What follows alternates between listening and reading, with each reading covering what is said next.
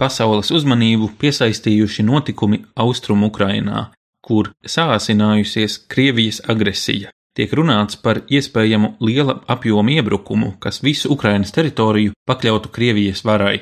Cits scenārijs paredz vienīgi esošās situācijas nostiprināšanu separātistu kontrolētajās teritorijās, jo Krievija ir atzinusi šīs pašpasludinātās republikas to pašreizējās robežās, vismaz šobrīd, bez pretenzijām uz lielākām daļām Ukrainas teritorijas.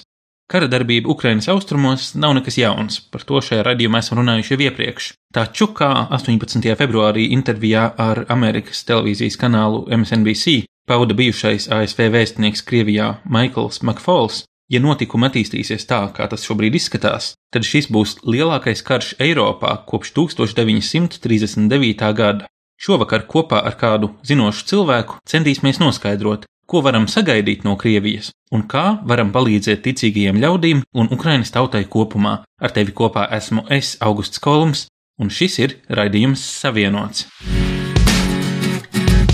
Esi savienots ar mums, Radio Marija raidījumā Savienots.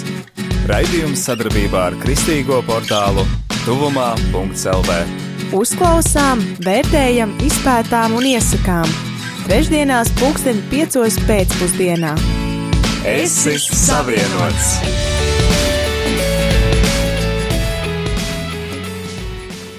Rubrika Izpētām Ar tevi raidījums Savienots! Kopā ar mums šovakar ir Baptistu mācītājs Elmārs Pļaviņš, iepriekš Nacionālā bruņoto spēku virskapelāns un arī šobrīd strādā aizsardzības jomā. Pastāstiet, kāda ir jūsu nodarbošanās pašlaik? Nu, šobrīd esmu bruņoto spēku vecākais eksperts starptautiski reliģiskos militāros jautājumos. Latvijas avīzes žurnālists Ilmārs rakstīja, ka tik garš nosaukums, ka neizrunāt, neatcerēties.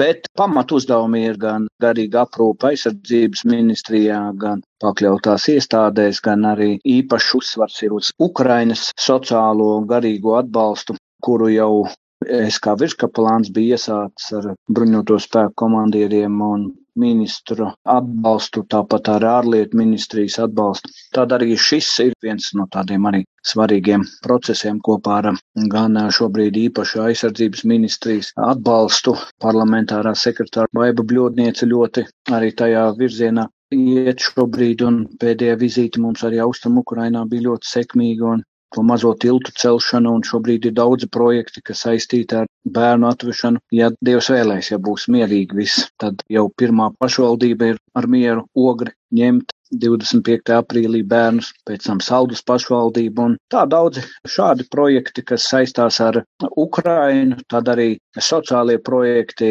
ļoti sekmīgi sakarā ar pandēmiju, pārspriedām gan ar bruņoto spēku komandieru, gan ar ministru, ar valsts sekretāru, ka vajadzētu kaut kādā veidā arī tas jau pagājušā gadā bija, ka vajadzētu atbalstīt arī šeit dažādas sociāli neaizsargātas ģimenes un bērnus, daudz bērnu ģimenes un tā tālāk ar pārtiku, ar apģērbu, un tad arī šobrīd tas ir tāds vēl tāds otrs liels virziens, kurā Es palīdzu, koordinēju, strādājam, no Vācijas atvedu pārtiku, tad mēs viņu pārkrāmējam, saliekam, izšķirojam, vedam sadarbībā ar zemesardzes sakalu vienībām ļoti intensīvi no Latgalis līdz Kurzemei. Jau kādām 30 organizācijām darbojamies un jau šī gadā jau esam paspējuši jau 30 tonnas izdalīt pārtiku un uh, kāds 20 tonnas arī izdalīt apģērbu, tā kā arī šajā virzienā mazliet dodam tādu iedrošinājumu un sakam, ka mēs armija neesam vienaldzīgi ar to, kas notiek arī sakarā ar pandēmiju un tā dažādos virzienos. Jūsu garajā amata nosaukumā, ja es pareizi dzirdēju, ieskanējās arī vārds eksperts. ja. Kāds ir jūsu eksperta viedoklis par procesiem Ukrainas austrumos un uz robežas ar Krieviju un Baltkrieviju? Kā jūs komentētu notiekošo? Es tā vairāk no savas puses varu komentēt tikai to, ko es esmu redzējis un to, ko šobrīd avīzes rakstā un komentē tik daudz. Tad attiecībā uz šo avīžu komentāriem es vēl burtiski tagad sazvanījos ar daudziem dzīvojušiem Slovjānskā, Luhanskas apgabalā, gan virsniekiem, gan uzņēmējiem tur. Un viņi šobrīd jūto lielo spiedienu, un tas uztraukums šobrīd arvien vairāk arī ģimenēm, īpaši jau ģimenēm, sievām nāk virsū no tā, ko viņi lasa, no tā, ko viņi dzird. Bet principā jau tā ikdiena viņiem šobrīd nemainās. Viņi strādā, pērk un pārdod, precās, un tā dzīve iet uz priekšu. Protams, ka šobrīd šī panika tur vēl nav jūtama, bet ir daudz ģimenes jau domājuši, kā izbraukt, un daudzas domā, kā varbūt kaut kur atkal braukt, un daudziem jau nav kur braukt. Un, protams, ka viņi ietekmējās no tā visa, kas šobrīd tur notiek. Bet armija, kā viņi pati saka, viņi ir pilnībā gatavi un ka viņiem saka, nu, kā jūs šobrīd šo situāciju, kā jūs līdzīgi uzdevāt to jautājumu, uztverat. Viņi saka, nu, mēs jau karojam no 14. gada, mums te nekas nemainās. Tā kā viņi joprojām karo, tikai šobrīd tas saspīlējums, protams, no ārējiem apstākļiem ir daudz lielāks nekā tas bija iepriekš. Bet visu laiku tur ir bijis saspīlējums un visu laiku tur ir bijušas provokācijas. Šobrīd viņas ir varbūt vēl vairāk, intensīvāk. Kā jūs raksturotu Ukrainas un tieši Austrum Ukrainas iedzīvotāju sabiedrības kultūru un mentalitāti un vērtības Kādi ir šie cilvēki? Vai viņi ir vairāk, teiksim, kā, nu, kā rietumnieki, vai viņi ir vairāk kā līdzīgāk Krievijas tautas domāšanai, vai viņi ir vairāk sekulāri vai vairāk tradicionāli? Kā jūs skatītos lielos vilcienos, kāds iespējas jums ir palicis par Ukraiņas tautu? Šobrīd tas tāds dalījums būtu, kad es tikos ar virsniekiem un dažu virsnieku arī šeit Latvijā biju un viņi stāstīja to stāstu teiksim, līdz 14 gadam viņiem, arī šiem virsniekiem, ļoti daudz lika lasīt krievu literatūru. Un principā viss gāja no Krievijas puses tāds skatījums un virziens. Tad pēc 14. gada notikumiem un okupācijas Donbass, Doņetskas un viss tā apgabala daudz kas ir mainījies. Ne tikai virsnieku skatījumā un ne tikai tās austrumu Ukrainas skatījumā, bet šobrīd viņi ir kļuvuši tiešām uz Ukrainas vērtībām vērsti.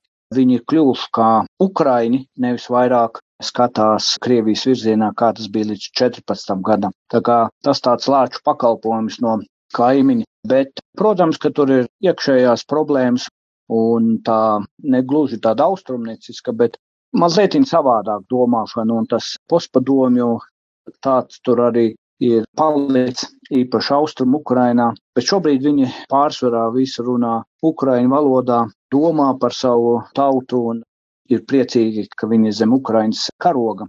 Bet nesen, kad esot tur, tad tā atšķirība starp Eiropas kādām vērtībām un domāšanām, teiksim, Covid situācija ļoti atšķirīga. Nu, tas ir tāds punkts, ka neviens tur neko nemēra, visi tur, ja puņķojās, tad, nu, puņķīts, ja, un tad visi iet uz baznīcu vai veikalu vai dzīvo savu normālo dzīvi, un, ja mirst, tad tā ir dievu griba vai kā savādāk, un tā daudz vienkāršāk pieiet lietām, jo viņiem šobrīd ir par daudz ko citu domāt nekā par kādām citām lietām. Tā kā, nu, atkal tā īsumā, bet viņi ir mazliet savādāk. Viņi grib, un daudz ir bijuši Eiropā, un viņi gribētu iet uz Eiropas, varbūt biznesa domāšanu un kādām citām vērtībām, kas ir Eiropā labas. Citas vērtības atkal viņiem neliekās diezgan pieņemamas, bet viņi ir mazliet savādāk, bet tas ir tikai normāli. Pirms dažiem gadiem kādā kristīgā konferencē es satiku luterāņu mācītāju no Odesas, un viņš man arī stāstīja, teiksim, ka Ukraiņiem nepatīk, ka pa viņiem domā, nu kā par Krievijas paveidu vai atvasinājumu, vai ka no Ukraiņu un Krievi ir viens un tas pats, es pieņemu. Kaut kā ļoti, tā, ļoti tālu rietumos, varbūt kāds par latviešiem arī tā domā. Tikmēr, protams, oficiālā Maskavas pozīcija ir diezgan, nu, ka Ukraina ir vēsturiskā padomju zeme vai ne, un, un agrāk vai vēlāk taču jānāk atpakaļ, jāpie, jāpievienojas atpakaļ tēvijai vai mātes zemē vai kā. Nu, un tagad arī pat uh, rietumu tādi, nu, labējie mēdī arī nu, politiskie komentētāji no Amerikas, teiksim, izsakās, ka, nu, jā, nu, kaut kāda Ukraina, nu, nesen viņi ir izveidojušies, un tas nosaukums jau arī tikai nozīmējot no senslāvu valodas, ka tā ir, nu, tāda pierobeža vai robežas zeme, nu, tad, nu, nu paņems Maskava viņus, nu, paņems, nu, ko lai dara, nu. Kā jūs skatāties? Kur ir patiesība šajā jautājumā? Jā, šis jau izklausījās tāds prokrieviskais tāds skatījums uz Ukraiņu rašanos un to, kas viņi kā tauta. Visos laikos šo tautu ir vēlējušies iznīcināt. Un īpaši jau tagad, pēc 14. gada, viņi apzinās tās vērtības, to vēsturi, viņi arvien vairāk skolās māca bērniem šo ukraiņu izcelsmi un citas vērtības, un šobrīd, pateicoties saku agresoram, viņi arvien vairāk ir vienoti par Ukraiņu vērtībām, un nevēl tā arī paristīcīgā baznīca izgāja ārā no Maskavas, paldies Dievam, un daudzas citas labas lietas ir notikušas šobrīd. Protams, ka Ukrainā ir joprojām prokrieviski noskaņot, un, un nevelti mēs redzam arī viņu parlamentā, cik daudz ir partijas, kas ir prokrieviski noskaņotas, bet šobrīd kā nekāda prezidenta ieskaitot un armiju un civiliem iedzīvotājiem un tajā pašā austrumu Ukrainā, viņi domā par vērtībām, Ukraiņu vērtībām, viņi domā par to, kā viņi būs neatkarīgi brīvi, un viņi beidzot varēs būt no agresoru atsevišķa liela valsts ar ļoti daudzām skaistām tradīcijām, ar ļoti bagātu resursu, kas viņiem ir. Tā kā tas jau droši vien agresoram arī nepatīk. Ja jūs pieminējāt pareizticīgo baznīcu, mans paziņa no Ukrainas to laik sacīja, ka, teiksim, viņam dara raizes tas, ka viņš kā luterāņu baznīcai piederīgais ka attiecīgi šādi kristieši varētu saskarties ar sevišķām grūtībām. Tobrīd bija runa vairāk par eh, separātistu kontrolētām teritorijām, tas bija 15. gads. Viņš sacīja, ka tie Maskavas algotņi vai kā, nu viņi, viņi zina, kas ir pareizticība un tam var būt kaut kāda tradīcija tur. Bet kas tie luterāņi tādi vai baptisti, viņš izteica raizes par to, ka šīm citām konfesijām varētu iet grūti atgrieztos kaut kāds Maskavai draudzīgs režīms. Kā jūs skatāties uz to? Nu, nesen arī bija raksts Latvijas avīzē attiecīgi par to, ka jau ir saraksts Krievijas separātistiem, kurus tad vajadzētu atkal iznīcināt. Un 14. gads to ļoti labi parādīja, kad ienākot un okupējot separātistiem šo Slovjānskas pilsētu, tad no protestantu baznīcām uzreiz tika ņemti cilvēki, spīdzināti, iznīcināti, lai iebiedētu. Tā kā, nu, nekas jau tur jauns nebūs katrā ziņā. Un tas jau eh, nav jau šobrīd arī pareisticīgā baznīca no Kievas patriarcha pasargāta kurā cīnās par Ukraiņu vērtībām, un arī viņi būs zem tā sitiena un sāraksta. Tur nevienu nežēlos, jo to, ko 14. gads, teiksim, 15. ir parādījis. Vai jums ir zināms, kā ir mainījusies kristiešu dalība un aktivitāte baznīcās?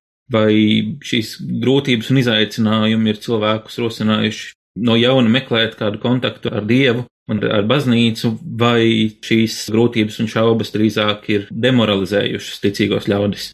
Dažādi. Tiem, kam tā ticība ir bijuši tikai kā ķeksītes, tie tad šodien varbūt nemaz vairāk neiet uz baznīcu. Tie, kuri ir pārdzīvojuši un piedzīvojuši tās šausmas 14. gada austrumu Ukrainā, tad daudziem tas vēl vairāk ir licis meklēt Dievu un arī starp konfesijām meklēt kopēju tādu saskarsmes punktu, kas ir Dievs. Un viens no tiem saskarsmes punktiem šobrīd arī nesen pagājušā gada beigās kapelāna dienas likumu izsludināja Ukraiņas armijā un kapelāni no dažādām konfesijām ņem līdzdalību, kas nav bijis kā oficiāls, bija kā brīvprātīgs no 14. gada īpašs pasākums, tagad jau ir iespējas sociālās garantijas iegūt un apmācīt šos mācītājus no dažādām konfesijām profesionāli un iesaukt viņus armijā, kas ļoti pie šīs situācijas kaplāna dienests būtu vajadzīgs un tāda kaplāna, kas saprot,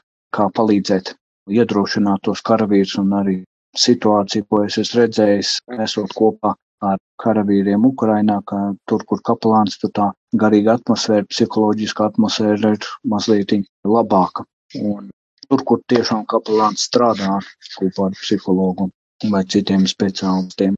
Pie šīs situācijas ir baznīcas konfesijas, kas ļoti daudz lūdz, iestājās katru dienu, vienojās par kopēju laiku, par lūkšanu. Gandrīz katru vakaru ir kāds aizlūgums par karavīriem, un arī pēc tā 14. gada ļoti daudz baznīcas ir iesaistījušās atbalstīt, tieši atbalstīt armiju, iedrošināt viņus dažādos veidos un austrumos, kur uh, karavīri pārsvarā dislocējās, tad arī viņi izjūt to atbalstu no baznīcām ne tikai garīgā ziņā, ka par viņiem aizlūdz, bet ka pie viņiem aizbrauc, nodzied kādus korāļus vai aizved kādu pārtiku no jauna vai vienkārši kādās citās praktiskās lietās palīdz un reizēm pat tikai ir blakus uzklaus kādas problēmas, kādas viņiem ir un dod atbalstu. Tā kā dažādi šie laiki šiem cilvēkiem ir devuši citiem meklēt Dievu, citiem pateikties, citiem vēl vairāk piedzīvot Dievu tuvu, bet citiem atkal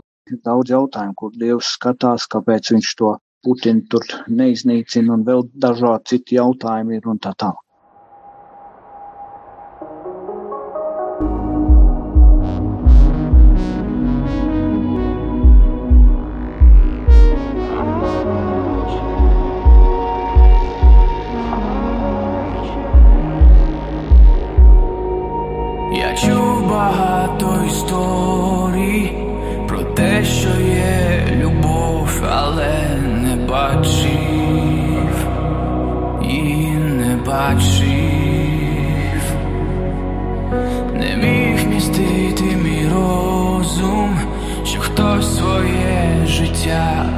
dove zamene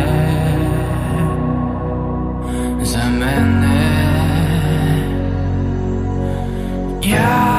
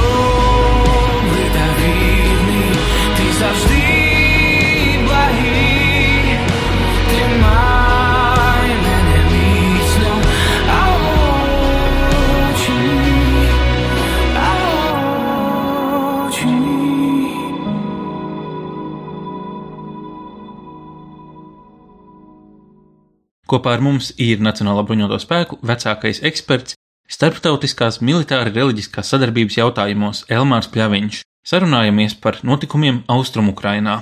Pirms pārtraukuma jūs pieminējāt kapelānus un šos cilvēkus, kas ir militārajā dienestā. Kā jūs skaidrot varbūt šīs attiecības starp, nu, no vienas puses ir šo militāro dienestu un šo kara darbību, kurā šie cilvēki piedalās, lai aizstāvētu savu dzimteni, un nu, no otras puses Viņi arī tāpat, vai kāda daļa, vai kā viņi ir, ir ticīgi ļaudis un vēlas dzīvot labu un kristīgu dzīvi, un, protams, ka tās lietas, kas karavīram ir jādara, nav vieglas lietas, un kā var šo savienot cilvēks, kurš vēlas kalpot savai dzimtenē, bet arī kalpot savam dievam?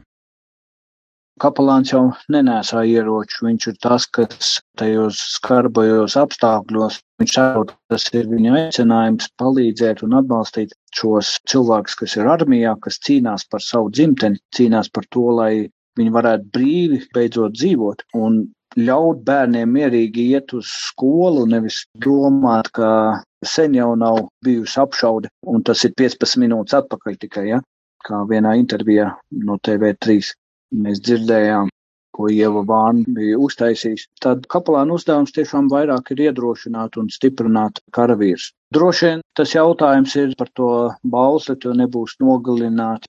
Jautājums ir tieši par karavīriem, jā, un kā viņi savieno savu ticību ar savu dienestu. To, ko mēs kā kapelāni sakam, ka ja karavīrs savu ieroci pareizi pielieto un nepielieto, kā viņam patīk, bet pēc tā likuma reglamenta, kas viņam ir dots, tad tur viss ir kārtībā. Jo, ja mēs redzam vecajā derībā līdz paušļiem, kad viņi tika doti mūzum un visai tautai, tad Dievs lika iznīcināt Izraēla tautai vesels tautas, un pēc paušļu došanas arī tur ir kaut kāda doma un jēga, bet ja mēs šodien tiešām kā kapelāni aicinām šos karavīrus darīt savu pienākumu godīgi un pareizi, tad viss ir kārtībā. Un arī šie karavīri, kas ir kristieši, viņi saprot, ka viņiem ir aicinājums aizstāvēt savu dzimteni, viņiem ir aicinājums strādāt ar šo ieroci, un tur viņi neredz nekādu problēmu, ja viņi pareizi viņu pielieto.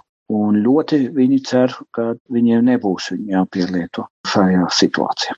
Bet viņi ir gatavi ka armija šobrīd kā nekad viņa Ukraiņu armija pilnīgi citādāk un arī psiholoģiski viņi jau ir savā veidā noguruši no visa šī ilgā procesa un kā armija viņi ir kā nekad gatava agresoram, lai ko citi nerunātu par viņiem. Tā kā vienoti un uz vienu mērķi un, un mums kapelāniem tikai jālūdz, jāiedrošina, jābūt blakus, jāuzklausa, ka tad, kad atkal process kādi ir pagājuši, tad ir kā, kā no visa tā iziet, lai šis karavīrs būtu cilvēks, kas mīl savu tuvāko, kas spēj saprast savus cilvēkus, kas ir apkārt un iziet ārā no tās grūtās situācijas, kāda viņam bijusi tajos karapstākļos, kādos, kādus viņš tur ir piedzīvojis. Jā, es domāju, tas noteikti ir tāda lieta, par ko mēs ikdienā nevienmēr aizdomājamies, ka no arī gan mūsu, gan, gan mūsu kaimiņu valstu brīvību garantē šie cilvēki, kur ir gatavi iet un cīnīties.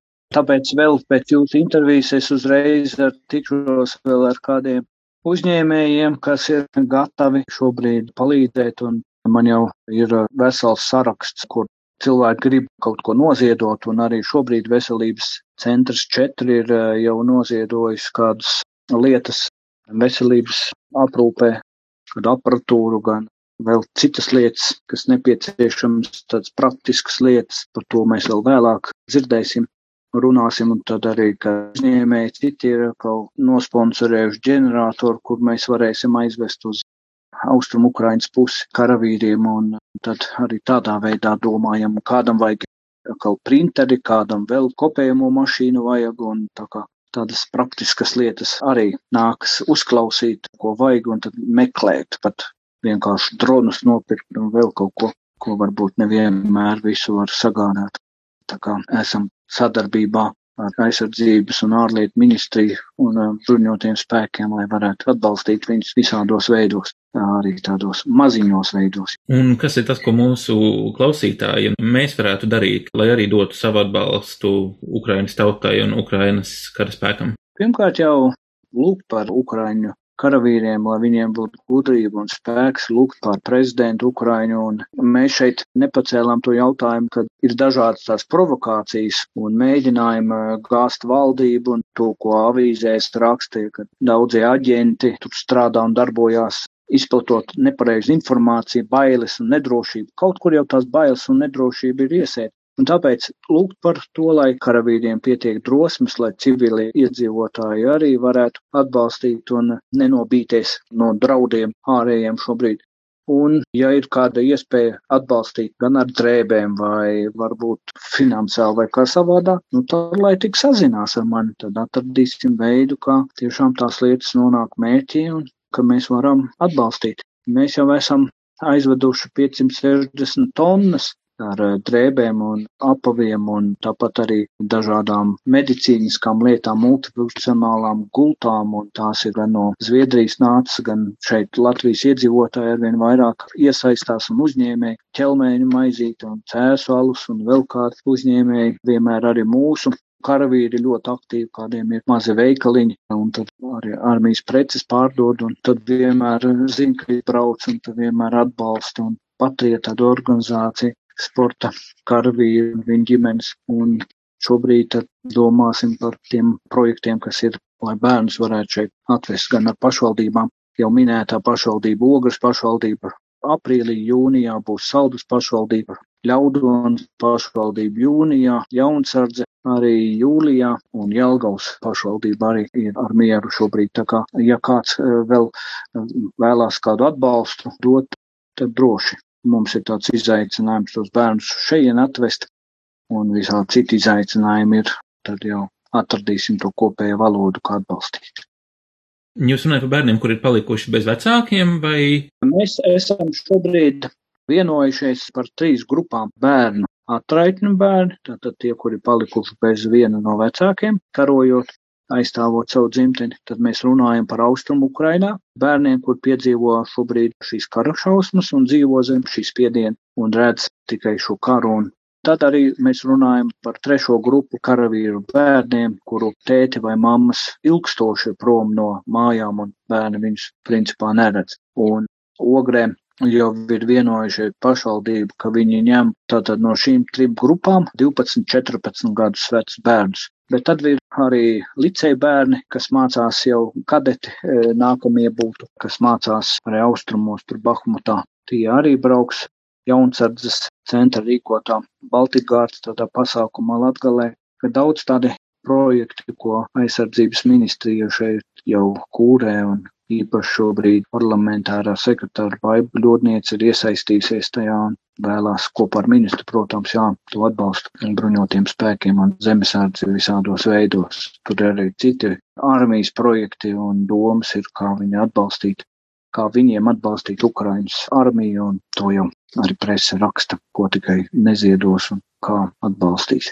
Bet mēs varam ar lūkšanu, ar kādu mazu praktisku atbalstu, ar savām drēbēm, kas ir labas, bet varbūt nenēsājam, tad varam tās nodot. Un eh, pārsteidzoši ir kāda Ukraiņu pensionāri taisa ievārījums un tad zvana un saka, ka viņi karavīriem tur ir kaut ko uztaisījuši un ka man vajag noteikti paņemt un aizvest un tad to vedam.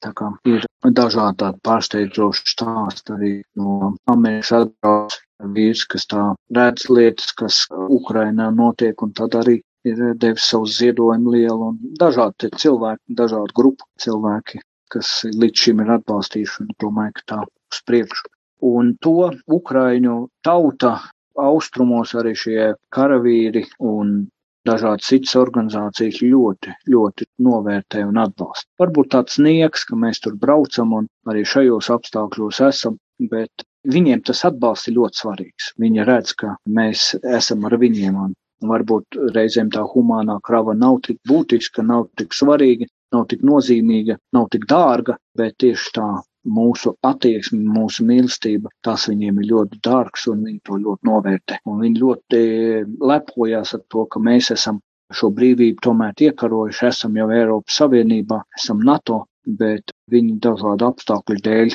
ka bagāta valsts, un tomēr viņi tur nav. Bet šobrīd viņi lepojās, ka caur tiem notikumiem viņi ir vienoti un vēlās būt turpat, kur mēs.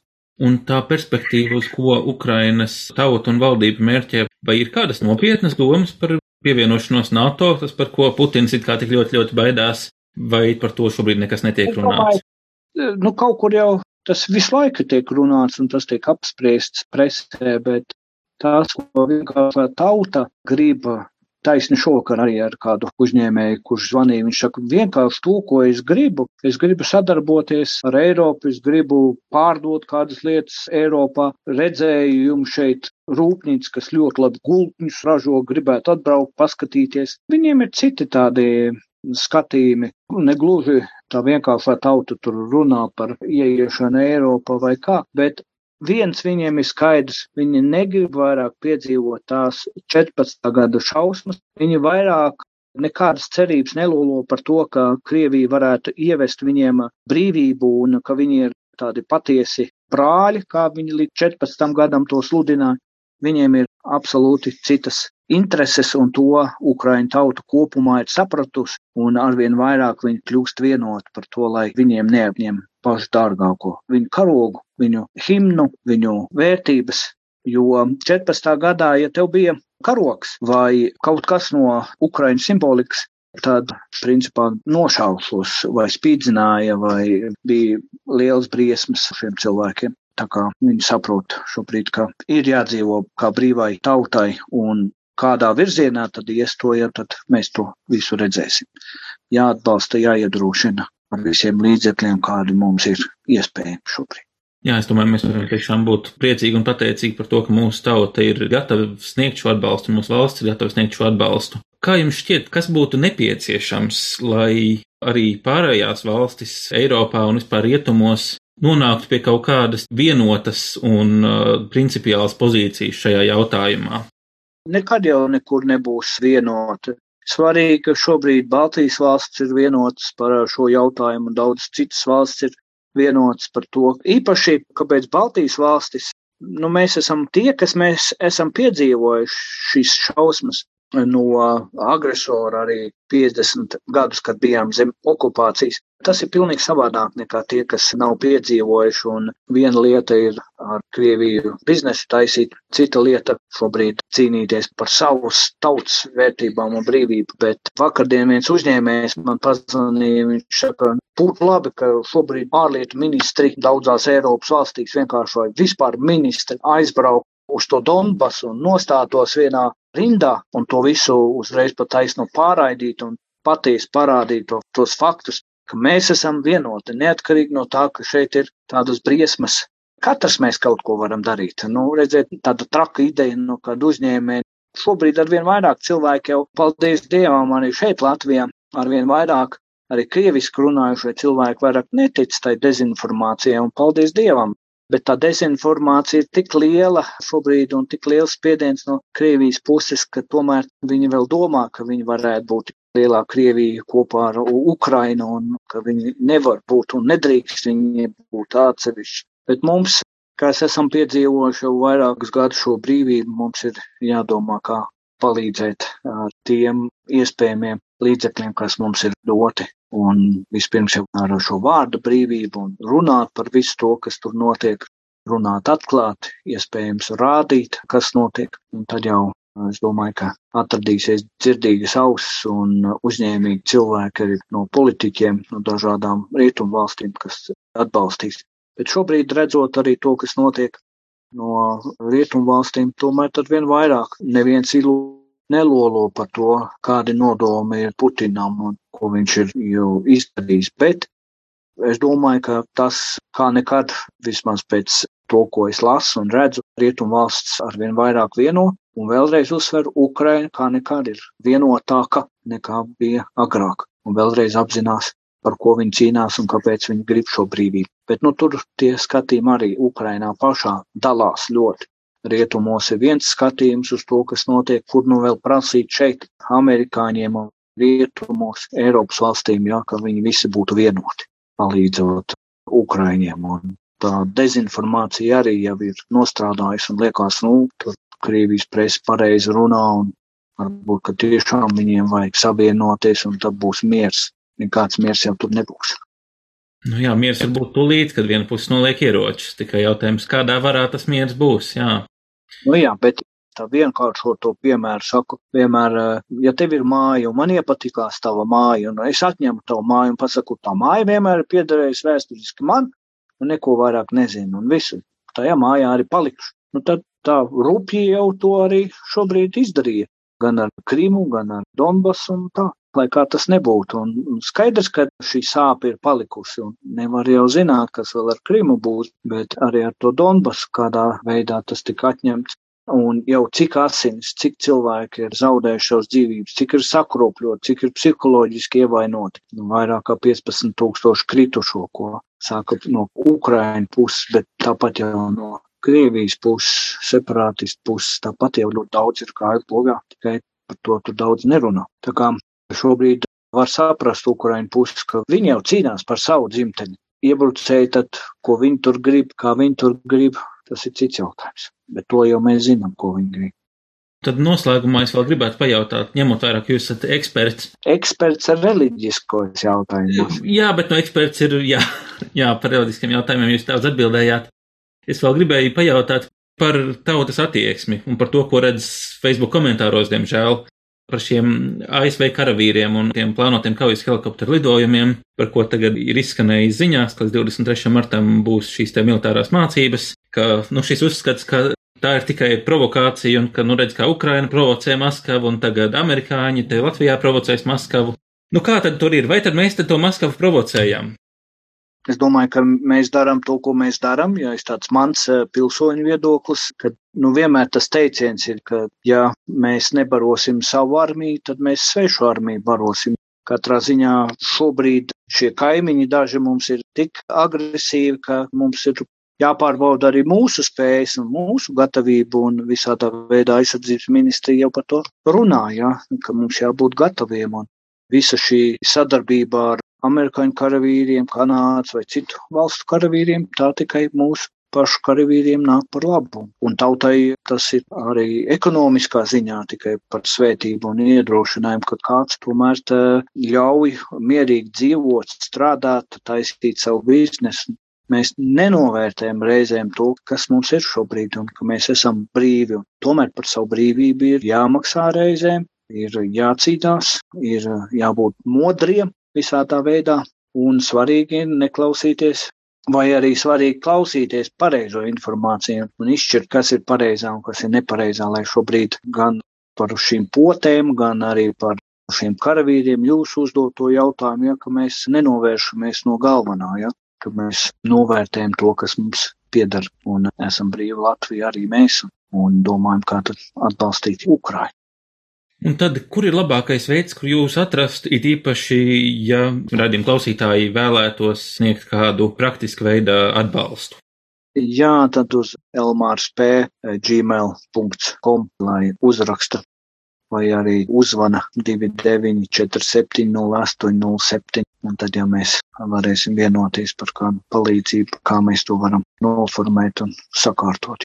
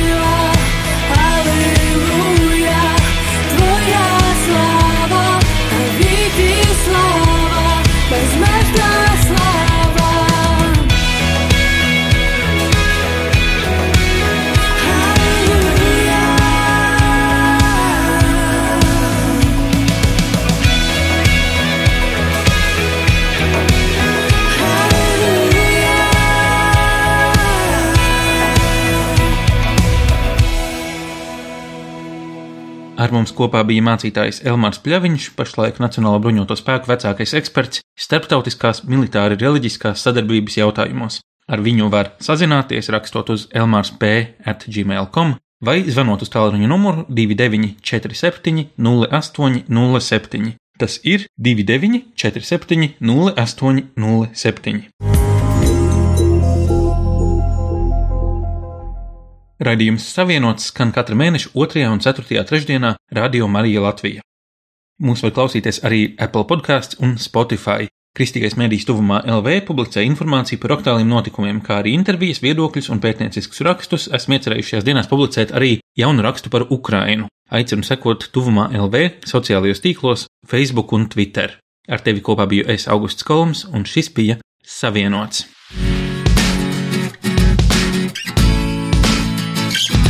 Tu klausījies raidījumu Savienots. Būsim atkal ēterā trešdien, pulksten piecos pēcpusdienā. Klausies mūsu radio Marija un lasi kristīgo portālu tuvumā.clv. Es esmu savienots!